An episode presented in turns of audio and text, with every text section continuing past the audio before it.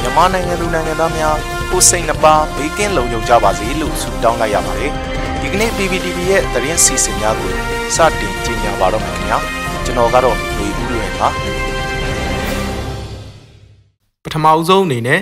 ဇွန်လ19ရက်နေ့မှာကြာရောက်မဲ့ဒေါအောင်ဆန်းစုကြည်ရဲ့86နှစ်မြောက်မွေးနေ့အထိမ်းအမှတ်အဖြစ် ပြည်သူလူထုကပန်းတပိတ်ဆင်နွှဲရန်ပြင်ဆင်နေကြတယ်ဆိုတဲ့သတင်းကိုတင်ဆက်ပေးမှာဖြစ်ပါတယ်။ဇွန်လ19ရက်နေ့မှာကြာရောက်မဲ့ဒေါအောင်ဆန်းစုကြည်ရဲ့86နှစ်ပြည့်မွေးနေ့အထိမ်းအမှတ်အဖြစ်ပန်းတပိတ်ဆင်နွှဲကြရန်အတွက်လူမှုကွန်ရက်စာမျက်နှာတွေကတဆင့်နှိုးဆော်မှုတွေရှိနေသလိုပြည်သူလူထုအနေနဲ့လည်းပါဝင်ဆင်နွှဲကြဖို့ပြင်ဆင်လျက်ရှိတာကိုတွေ့ရပါတယ်။ တချို့ဆိုရင်မွေးနေ့မတိုင်မီကတည်းကမွေးနေ့အကျိုးအဖြစ်ပန်းသပိတ်ဆင်နွှဲတာတွေ free hour leader စာတန်းပါ poster campaign ပြုလုပ်တာတွေ happy birthday အမေစုစာတန်းများကင်ဆွဲရေးဆန္ဒပြခြင်းတွေကိုပြုလုပ်ခဲ့ကြပါသေးတယ်။လူမှုကွန်ရက်စာမျက်နှာတွေပေါ်ကတိုက်တွန်းနှိုးဆော်မှုတွေမှာတော့လာမယ့်ဇွန်လ19ရက်2021ခုနှစ်ဟာဖန်စီထိမ့်သိမ်းခံထားရတဲ့နိုင်ငံတော်ရဲ့အတိုင်ပင်ခံပုဂ္ဂိုလ်ဒေါအောင်ဆန်းစုကြည်ရဲ့အသက်86နှစ်ပြည့်မွေးနေ့အချိန်အခါဖြစ်ပါတယ်။အဲ့ဒီနေ့မှာမွေးနေ့ရှင်ဒေါအောင်ဆန်းစုကြည်နဲ့တကွဖန်စီခံခေါင်းဆောင်များရဟန်းရှင်သူចောင်းသားပြည်သူများအပါအဝင် ထောင်ထဲချီတဲ့နိုင်ငံရေးအကျဉ်းသားများကိုဂုံပြူလေးစားအသိအမှတ်ပြုအောင်းမိသောအဖြစ်ကျွန်တော်တို့ပြည်သူလူထုအားလုံး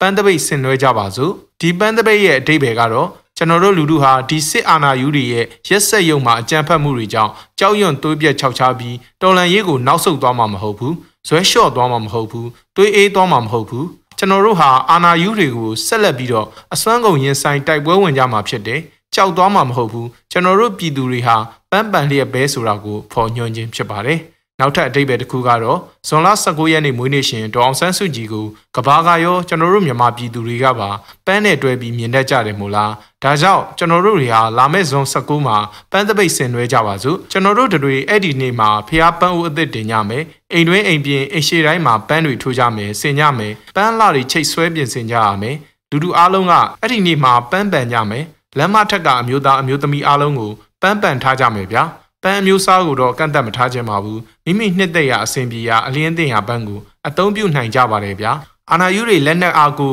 ဓာရည်တွေဘလောက်ပဲပြပြကျွန်တော်တို့လူလူတော်လန်ကြီးရဲ့ပန်းတွေဖွေးဖွေးလွတ်အောင်ဆက်လက်ပွင့်နေမှာဖြစ်ကြောင်းတက်တည်ပြကြပါစို့အဲ့ဒီနေ့အတွက်ကျွန်တော်တို့ရဲ့ပင်မကြွေးကြော်တန်ကတော့ကြောက်ခစ်ကိုမှောက်ပစ် freedom from fear လို့ဖြစ်ပါတယ်လို့ရေးသားထားတာတွေ့ရပါတယ်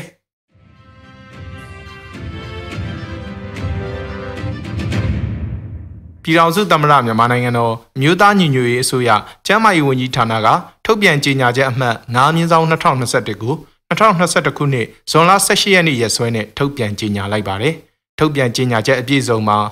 ၁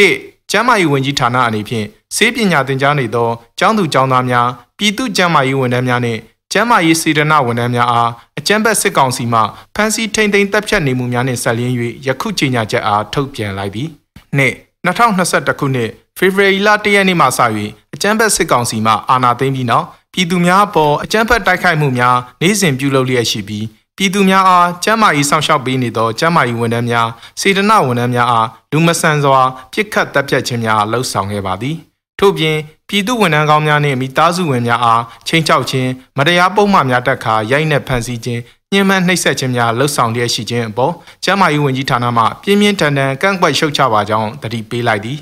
၃မတရားဖန်ဆီးခံရသူများအန္တရာယ်ကင်းစွာဖြင့်အမြန်ဆုံးပြန်လည်လွတ်မြောက်လာရေးအတွက်လိုအပ်သောပတ်မှုကူညီမှုများရရှိရေးအကြမ်းဖက်တပ်ဖြတ်ခံရသူများအတွက်တရားမျှတမှုရရှိရေးပြည်သူသားကောင်းပြည်သူအာဇာနည်စီဒီအမ်များကိုနှီးမျိုးစုံဖြင့်ဒုက္ခပေးနေသောအကြမ်းဖက်စစ်ကောင်စီအလိုတော်ကြီးများကိုပြည်သူဆန္ဒအလျောက်တရားဥပဒေနှင့်အညီထိုက်တင်သောပြည်ဒဏ်များပေးသွားမည်ဖြစ်ပါသည် ပုံဒေါက်တာဇော်ဝေဆိုးပြည်ထောင်စုဝန်ကြီးကျန်းမာရေးဝန်ကြီးဌာနအမျိုးသားညီညွတ်ရေးအစိုးရလို့ထုတ်ပြန်ကြေညာထားပါတယ်ခင်ဗျာ။